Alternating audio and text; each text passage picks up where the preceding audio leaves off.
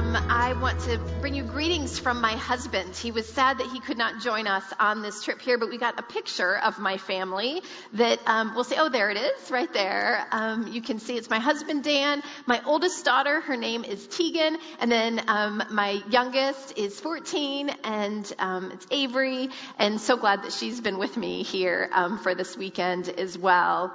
But I want to talk to you tonight about uh, an issue that has fascinated me for a very long time, and it's the topic of resiliency.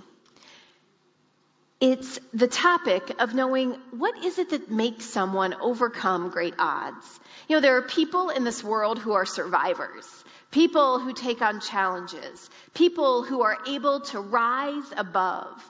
Well, you know, there are also people who just seem to get discouraged they just seem to succumb when things get hard.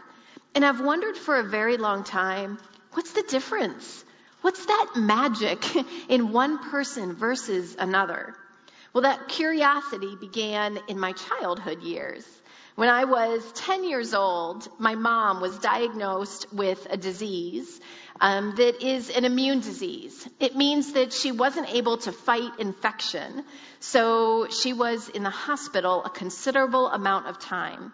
Um, at the time that she was sick, there were news stories about a boy who was kept in a bubble because he had a very similar disease. So as I was growing up, during my childhood years, um, there was times that my mom was actually in the hospital more than she was at home.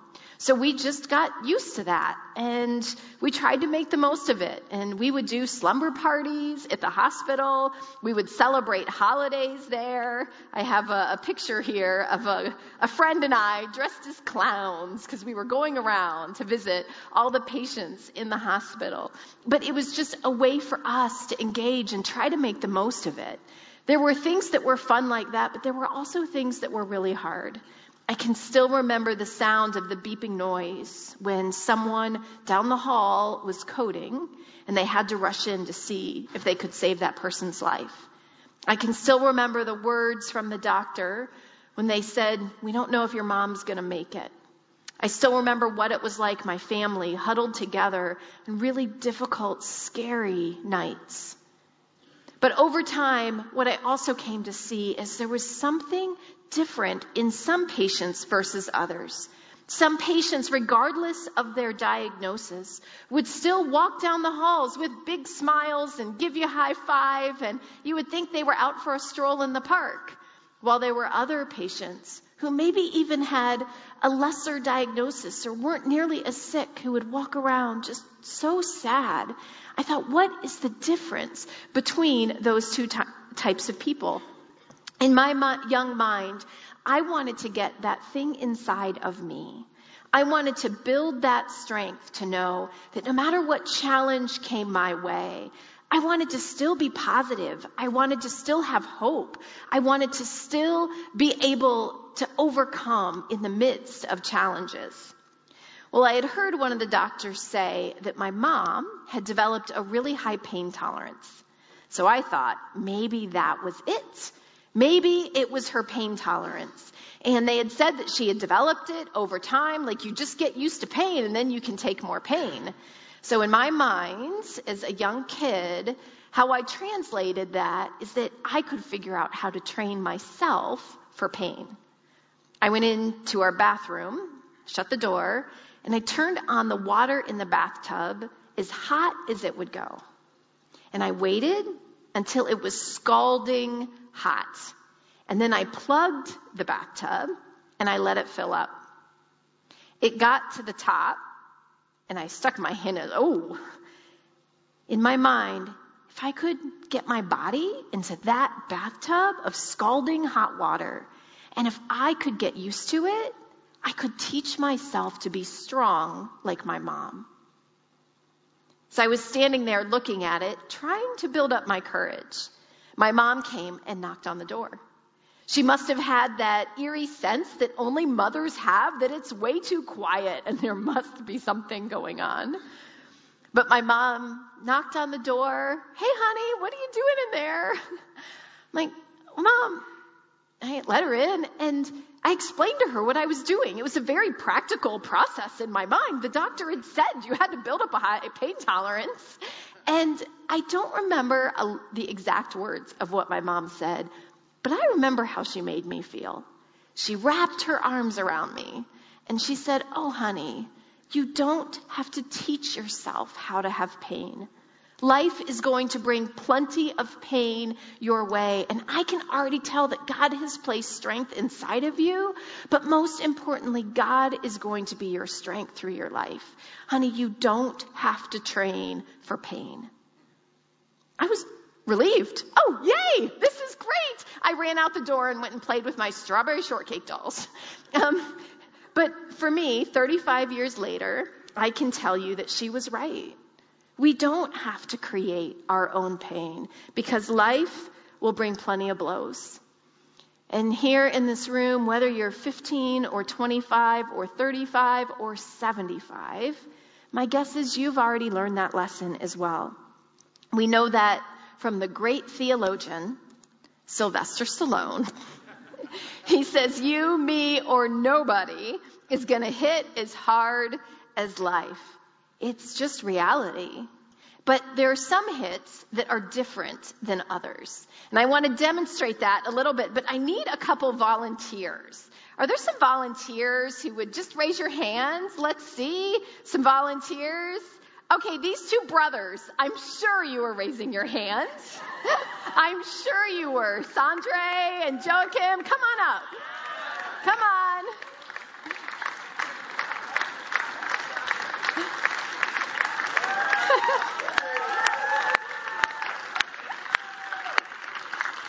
You were so eager with your hands raised, right? nice to meet you. Nice to meet you.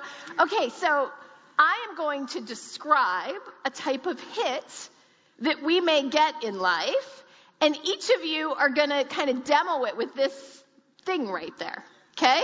It's technically called a bop bag, but whatever you want to call it, it's a punching bag, okay? Yep. So some of the hits that we take in life are really more like a wobble. These are things that lose, make you lose your balance. It's a quick sting, but it just shakes things up. Things like you failed a test. Things like you didn't get a job that you were hoping for. Maybe you find out some proposal that you had written didn't get approved. Maybe you get into a big fight with your roommate. Something that is disappointing it knocks you, but it's more of a wobble. It just shakes you. So why don't you each just take a turn, give us a little wobble. Just a little wobble. now, mind you, you're going to have to build up, so you may want to start slow. This is a wobble, a little wobble.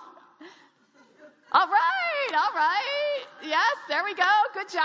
Good job. Okay, we've got we've got two more to go, just to warn you. Okay, uh, the next one is a whack.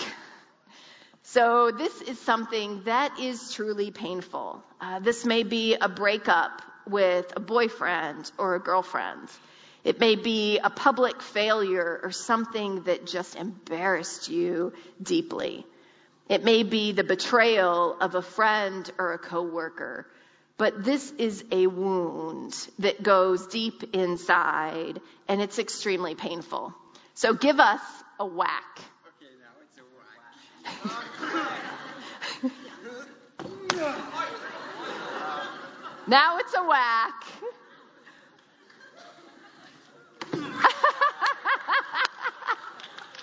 that was awesome.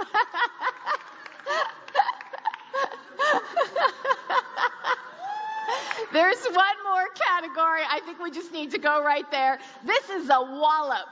This is a knockout. This is the kind of thing that when it happens in your life, sometimes it takes you out for months or even years. This is something that shakes you to your toes.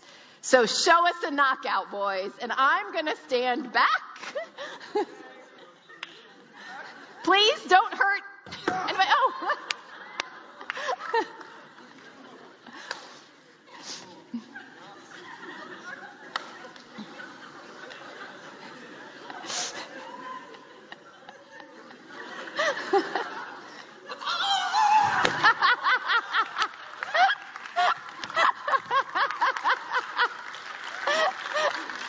Can we thank these two? That was very helpful. Thank you.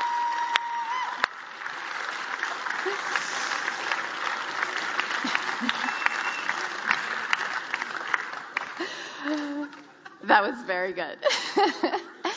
when we experience a wallop or something that knocks us out, you know, we can laugh about that. But if you have had the death of a loved one, death of a spouse, death of a child, if you've had a significant trauma that you have been through, you know, it's not something that you recover from quickly. It's not something that you just bounce back up again. Like I said earlier, sometimes it's months and sometimes it's years. We don't have to prepare for the pain of life. But what I do believe that we can prepare for are our skills to help us get back up again. There's a quote from a CEO that says this More than education, more than experience, more than training, a person's level of resilience will determine who succeeds and who fails. That's true in the cancer ward, it's true in the Olympics, and it's true in the boardroom. So, for the rest of our time here together, I want to talk to you about six skills of resiliency. And I actually want you to pull out something to write with. You can do it on your phone, you can do it on a piece of paper, whatever you want. Pull out something to write with. And as I walk through each of these six skills, I want you to give yourself a score of one to 10. How are you doing with each of these? So if you're a 10, you're hitting it out of the ballpark. You're doing great. This is something that it's a skill that you have acquired. If you're in the middle, you're still working on it. And if you're a one, it, it is something that you know that you need to put some attention to. So one to 10, you're going to give yourself a little assessment as we go along here this evening. First of all, the very first skill is the ability to acknowledge failure. The very fact that you're in need of resilience means that something has failed. Now, sometimes we can think that that word of failure, it seems so harsh. Oh, I didn't really fail. It just didn't work out. Or it was other people's fault that this happened to me. It's not, it's not really that it failed. But the reality is, is if you have a car with engine failure, there may be a lot of other complexities, but you have to fix the engine. If you have somebody who has kidney failure, there may be a lot of other systems not working in their body, but they have to address the problem of their kidney. Of course, in any situation that we're in, we want to be able to learn from it. But those who are resilient, they don't spend over amounts of time analyzing or critiquing what just happened before they are willing to acknowledge this is not working anymore and something needs to change. So the sooner that you are willing to acknowledge failure in a certain circumstance, the sooner you can get on to constructive conversation about what you want to do coming out of that. I had a meeting recently with a gentleman who has been in politics for his entire career. Uh, he was in his 60s, and we were supposed to be talking about an initiative that he was heading into. But in the middle of our meeting, I realized almost every few minutes he was coming back to this election that he had lost a year and a half ago. And we would be talking about one thing. He's like, yeah, only if this person wasn't elected, then I would have had more of a chance. And this person didn't give me the right endorsement and it just didn't work. And if only I had campaigned in this way. And that wasn't even the topic of our conversation. I looked at him and I said, could I ask you a question? And he nodded. He said, have you ever failed before? I said, well, when I was in high school, I lost the election for student body president. He was in his 60s. And he had never really faced failure to the point that he felt like he could acknowledge it. And now he was having such a hard time moving on. There is an author named John Bunyan who wrote the book Pilgrim's Progress. It's one of the best known Christian classics all over the world. And this book, Pilgrim's Progress, was actually written when John Bunyan was in prison for his faith. So he was locked up in jail and he wrote these words. He said, I am on the bottom and it is firm. When we think about failure, we think, ah, everything falls apart.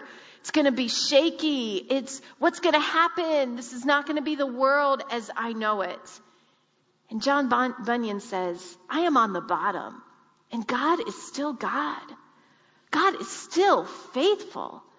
I am still created in the image of God. I am still his child, and I can still cling to him. I am on the bottom, and it is firm. When everything falls apart, when it unravels in your life, whether it's a wobble, a whack, or a wallop, how are you doing at being able to acknowledge failure? Go ahead and give yourself a score, 1 to 10. How do you do acknowledging failure? The next skill is your ability to forgive. I recently saw this photo in a news article. It says, whoever stole our AC unit, keep it. It's hot where you're going. On a church sign. On a church sign. Does this say more about the thief or more about the pastor? I've actually seen this sign replicated in several places um, around the internet. Uh, but when something happens to us, how are we doing with forgiveness? A wise friend did a talk a couple years ago, and he said that forgiveness is a solo sport. I thought, wow, forgiveness is a solo sport. It was a phrase that stuck in my head, but I did not realize how much I would need it. It was only probably a year after that that I really had that put to the test. When I really realized that my ability to forgive someone is far more about me and my relationship with God than any other factors around me. You know, in the midst of a crisis situation that I was going through, there was so much in me that wanted to try to work it out with other people, and there were just things that could not be worked out. I had my own issues that I was trying to process. And I knew for me, as much as I wanted to process and as much as I just wanted everything to be made better, I somehow had to figure out in my spirit how I was going to forgive myself for ways that I contributed to the situation. I wanted to forgive myself because I wasn't able to fix it. I wanted to forgive other people around me, even if they were not asking for forgiveness. And that is a really hard thing to do. You know, it doesn't mean that we have to be best friends with everybody around us. Healthy boundaries are really good and essential at some point in time. But if we don't figure out in our hearts how to have forgiveness towards people who have wronged us, over time it's just poison to our own souls. It just wears away at us and it causes bitterness. And I desperately did not want to be that way. I kept going over these words in my head from Proverbs 16:11, honest scales and balances belong to the Lord. It's not mine to figure out what everybody needs to own. Those scales and balances, they are in God's hands. I need to pay attention to me and God and I need to release the rest to him. Ephesians 4:32 be tenderhearted forgiving each other as God in Christ Jesus also has forgiven you. I kept saying those words in my head over and over again. I also had dear friends and counselors who helped me. I had solitude time and journaling and processing. And I even had some people who encouraged me to do some physical gestures of release to get to the point of forgiveness. Now, I don't know if you have heard about uh, this trend that it's least in the U.S., maybe it's here somewhere as well, but it's called axe throwing. Anybody heard of axe throwing before? All right, yes. So you, if you've, has anybody done axe throwing? Has gone to a place? Yes. Okay. So I took a full team. It's like, it's like the team building activity to do in the U.S. right now. And we took a team and you go in and you have this area and really for an hour and a half they train you how to do this and you just chuck these axes across the room at a bullseye. And I will tell you, I was horrible at it, but it felt really, really good. One of my forms of release. Uh, my favorite one, though, was polishing rocks. I had some solitude time on the beaches of Lake Michigan and collected a whole bunch of rocks. And in these rocks, they look, there, it's a unique rock that's really only in that area of, um, of our country. And they look just like gray on the outside, just like a basic stone. But as you sand them, you get to this beauty underneath. And I will tell you, I spent hours sanding those rocks, layer after layer after layer, to find the beauty inside. And for me, it was some of my most precious moments with God of just doing something physical and letting my mind focus on what it is that I wanted to release to God. My sweet husband watched me out there sanding rocks and he so badly wanted to help. I started off just with sandpaper, just doing it manually with sandpaper. And then one day he came home with a palm sander. You know what those things are? Just a, one you hold in your hand and it was electric sander, but it was a palm sander to polish these rocks. And then a little while later, he came home with a wheel grinder, this like great big thing. Cause you know, sometimes we all need power tools just for a little bit of uh, release. It's a good thing for us. But as I went through layer after layer of those rocks, I was able to find the beauty inside and I was able to see the transformation that was happening. But for me, every layer that I was getting rid of on those rocks, I was also getting a rid of a layer of the anger that I had in my own heart. Forgiveness is a process. It's still ongoing for me. It's not quick, it's not fast, and it's not just a one and done and you move on. There's a woman named Gail MacDonald who says, We do not learn to forgive in the hour of crisis, but we train for forgiveness in our better moments. Here is the good news because we are all sinners, we get to train for forgiveness every single day. It's every day that we mess up, or it's every day that others around us mess up.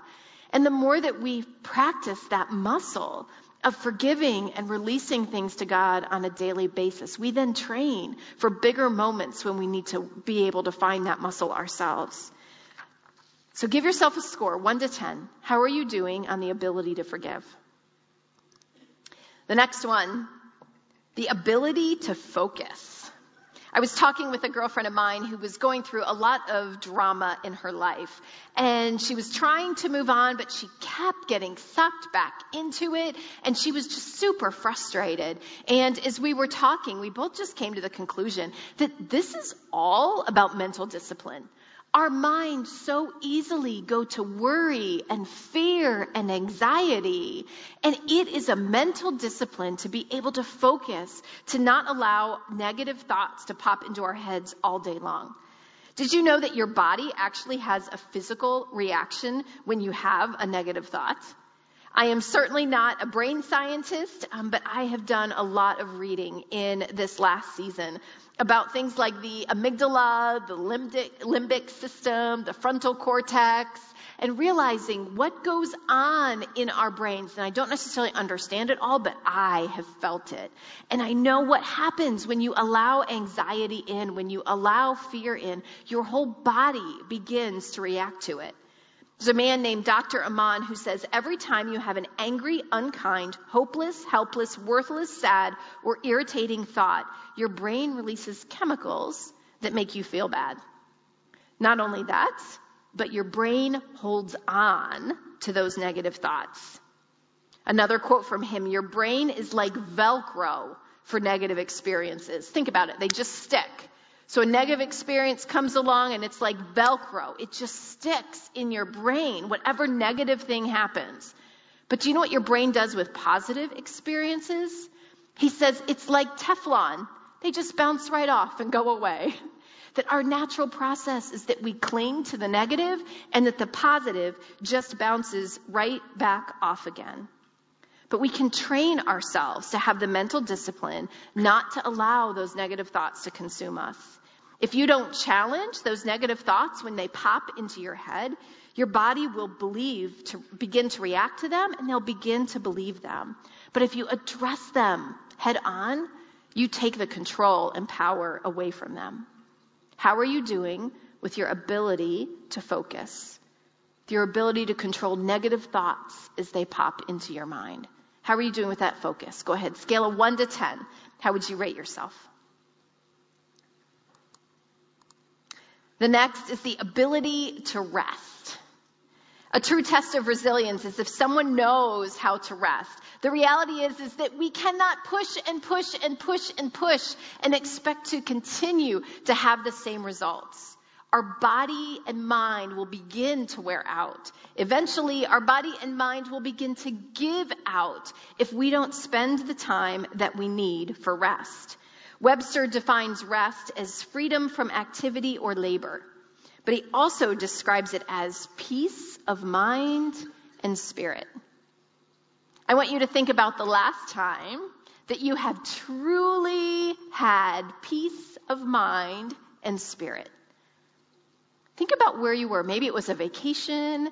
Maybe it was a relaxing meal you had. Maybe it was time with a dear friend or a loved one. When is the last time that you fully felt rested and you fully felt peace of mind and spirit? Picture where you were. What was around you? What were the sounds? What did your body feel like in that moment? Now we're all off in a happy place, so come back, come back quickly. Now, if the thought that you had was from the year 2000, uh, you have not rested recently, and you need to um, you need to figure out how to build that into the rhythm of your life. You know, Jesus modeled this so well. We see the value of rest all throughout Scripture, even in the teaching of the Sabbath and how important it is for us to keep the Sabbath. In Mark 6:31 it says, "Come with me by yourselves to a quiet place and get some rest." Or Psalm 142, "When my spirit grows faint within me, it is you who watches over my way." How are you doing on your ability to rest? When's the last time that you really felt rested? Give yourself a score, 1 to 10. The next one, the ability to let go. Our family has a member of our family who is truly the favorite. Now, I know the families aren't supposed to have favorites, but this member of our family is truly the most cherished. And I think that all four of us would agree on this. It is our dog, Nugget. and our dog is super snuggly. He is just lovable. And he has this habit of in the morning, he goes to the chairs where my husband and I, both in the morning, whenever we go have our quiet time, we both sit in these certain chairs in the front room and have our quiet time and our prayer time in the morning. Well, he, our little dog, comes along and sits right there and falls asleep on our lap or falls asleep next to us while we do our Bible reading. Well, if we're not there, he is sitting on that chair glaring at us. When are you gonna get here? So my husband, he calls our dog the fuzzy Holy Spirit because he is the conviction to get us to come and have our quiet time in the morning. So there's a lot about him that is fuzzy and fun and beautiful, but that all changes when he grabs onto something that he really wants, like his bone or a treat that he has. If you try to take that away, what was this cute, cuddly dog is now growling and ferocious and snarling at us. He goes from fuzzy Holy Spirit to demon dog. it's because he does not know how to let go. You know, Paul and Barnabas were two that learned that lesson so clearly. Scripture tells us that they faced persecution and that the Jewish leaders incited an actual riot against them. But Paul and Barnabas did not fight. They simply shook the dust off their feet and they went to Iconium. This command appears four times in the New Testament that someone shook the dust off their feet. It basically means I've washed my hands of this. It means I've done all I can do and now it's time for me to move on. But my favorite part of this passage isn't just that they walked away. It's the next part of the verse. They didn't walk away in anger. They didn't walk away in bitterness. It says, and the disciples were filled with joy and with the Holy Spirit. They were filled with joy as they walked away. I faced one crisis at work a little while ago with my team. And I was leading this team of people, and we had been working really hard. And it felt like we were taking hits left and right. And for me, I just kept saying to the team, the only way through is through. We have to keep going. I kept thinking of Winston Churchill's words if you're going through hell, keep going. No matter what you do, don't stop. Just keep going to get through it. It's what our team felt like, and we were trying every day to be able to get through what we needed to get through to try to get to the other side. We kept pushing and we kept pushing and pushing until I knew it was no longer time to push. I was actually sitting in the room with 20 leaders around the table. And our organization was in such a hard spot. And we knew that the crisis that had developed was far worse than any of us had ever imagined. We knew our options um, were very few, and we knew that trust had really been broken for a lot of people. Much of that having nothing to do with any of us in that room, but we were the ones trying to carry it forward. There were a lot of us that were sad, a lot of us that were discouraged. And as I looked in the eyes of my team members, I knew that if I was no longer the person leading that team, that they could actually get a fresh start. If there was somebody stepping into leadership who didn't carry baggage of the past, who wasn't connected to the past, that trust could be rebuilt and they could start a new season. I looked in the eyes of a person across the room and I gulped a little bit because I knew how they would respond. And I said, You guys, I know there's a lot of controversy. I know that there are a lot of opinions out there. But what I do think is clear is that if I step away at this time, that you all will get a clear running lane. That God will be able to take you guys forward with a new leader in this place. And someone screamed out, No, but that's not fair. Another person started crying, and before I knew it, that team of 20 people were surrounding me in prayer. That prayer time lasted for, I don't know, it was something like 30 or 40 minutes. And I was crying all throughout it, but I felt God speaking to me. And somehow, in the midst of it, I heard his words in just a gentle whisper. And he said, You've carried what I asked you to carry. I knew that as much as I wanted to fix things, as much as I wanted to leave with things in a wonderful, beautiful, good place, I knew that wasn't the assignment that God had for me. I knew it was time for me to let go the prayer time wrapped up, it got really quiet in the room, and I told the team, I know what I need to do. Said, I need to talk to my husband. my husband was not in that room, and I needed to go talk to him before anything else. And my husband met me in my office, and when he walked in, if he was here today, what he would tell you is the very first thought that popped into his mind was, There is the woman I married. He said, God released you, didn't he? He's like, the weight is off of your shoulders. The burden is lifted. Like, I can see it in your eyes. God released you, didn't he? And I knew without a shadow of a doubt that he had. Now, I know that wasn't the first time I had to release something that was so painful to release. And I know it won't be the last time either. But all of us face those circumstances at different points throughout our life, whether we want to be in that situation or not. Are you willing to let something go and let it be in God's hands? I want you to go ahead and give yourself a score on that. Scale of 1 to 10. How are you doing with your ability to let go?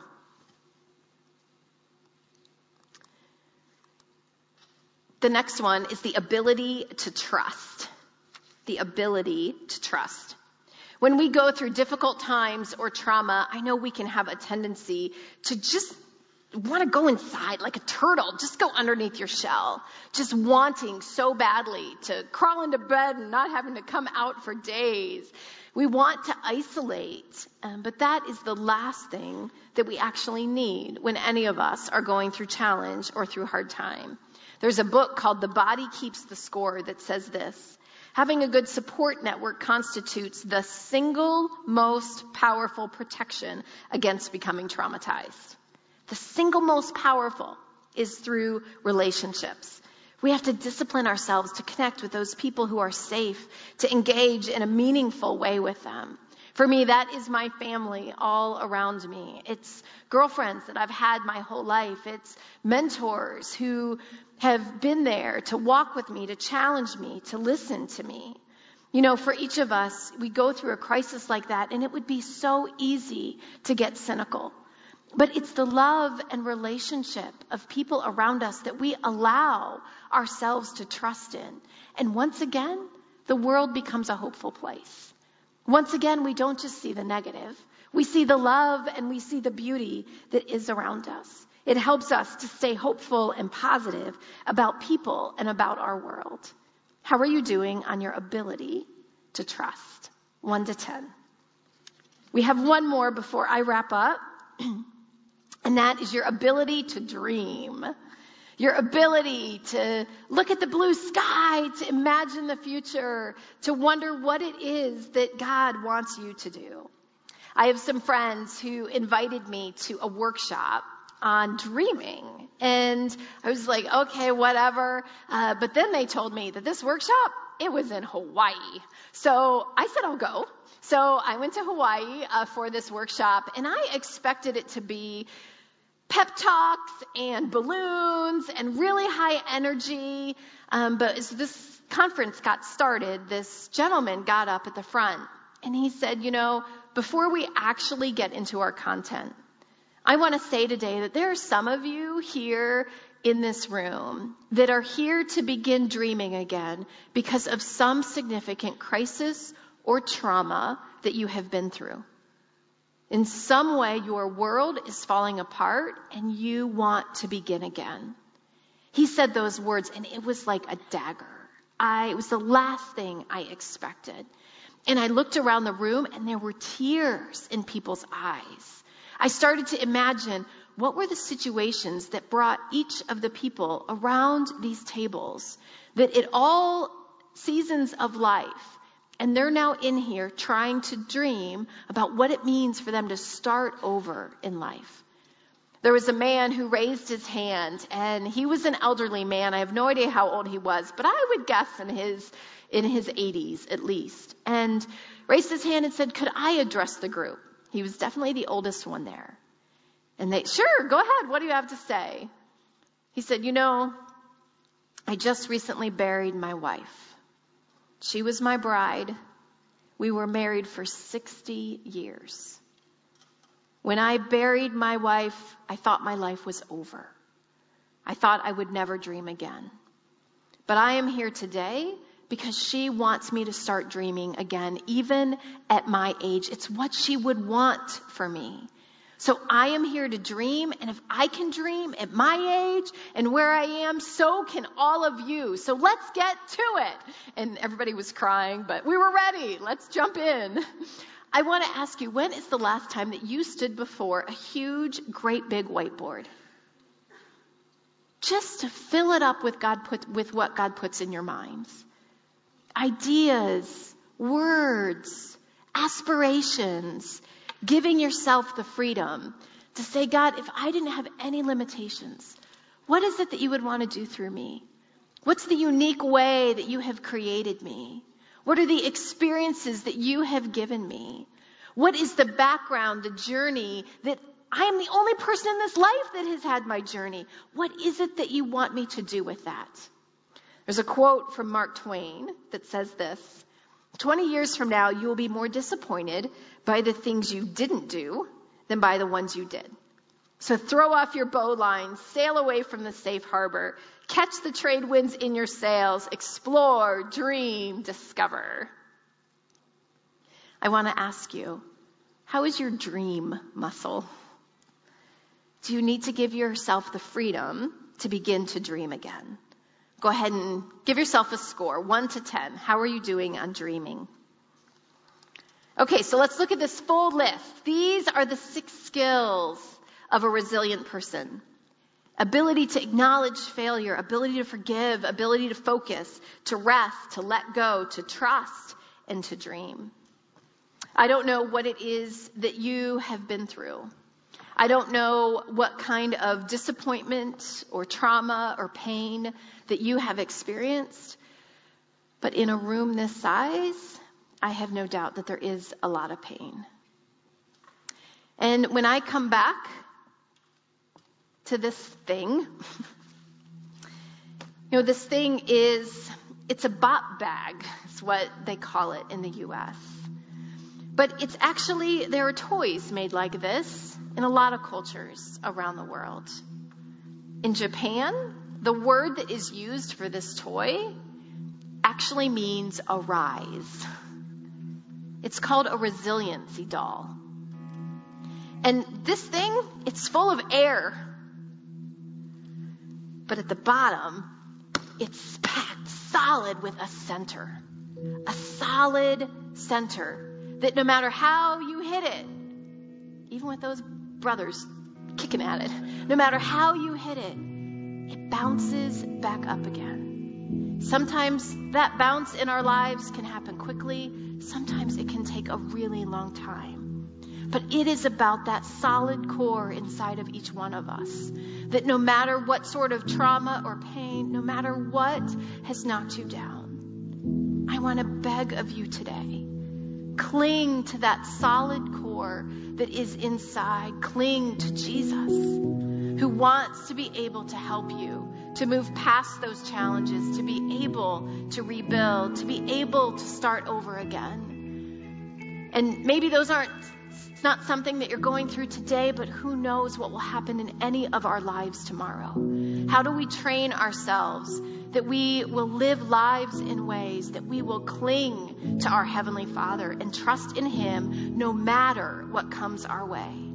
So, as we close, I want to read to you some words from Scripture, some promises that God gives us about times that we get knocked down. And I want to ask you just to let these words soak into your heart. Whether you need to stare off into the sky or close your eyes, just allow yourself to think about these words. But I will restore you to health and heal your wounds, declares the Lord. I have loved you with an everlasting love. I have drawn you with loving kindness. I will build you up again, and you will be rebuilt. Surely, I will deliver you for a good purpose. When hard pressed, I cried to the Lord. He brought me into a spacious place. I have heard your prayers and seen your tears, and I will deliver you. But I press on, forgetting what is behind and straining toward what is ahead. My only aim is to finish the race and complete the task the Lord has given me the task of testifying to the good news of God's grace. God, here today, I want to pray a prayer of blessing over every person in this room. God, you know what they're dealing with in their relational world. You know what they're dealing with at school or dealing with at work. God, you know those who do feel knocked down right now. God, I pray that they would sense encouragement, that they would sense love from you in this moment that God, you are the source of strength. God, I pray that they would be able to lean into other people around them. God, I pray that this church would be a community of people that support each other and love each other through good times and through hard times. And God, no matter what it is we are facing, may we cling to you. God, may we not allow anything to distract us from what you are calling us to do in this world. May we hold strong to you to live out the gifts that you have given us, to be able to use our influence in our workplace, to use our influence in our community, to lo- use our influence in our schools. God, please use this church to bring out a transformation in Norway. God, use this church to bring other people to you. God, I pray that you would work in the hearts and the minds of every person here. And God, may that flow out through these walls to do your work all throughout this place. God, we give you the honor and the glory and the praise. We put this all in your hands for your glory forever and ever. Amen.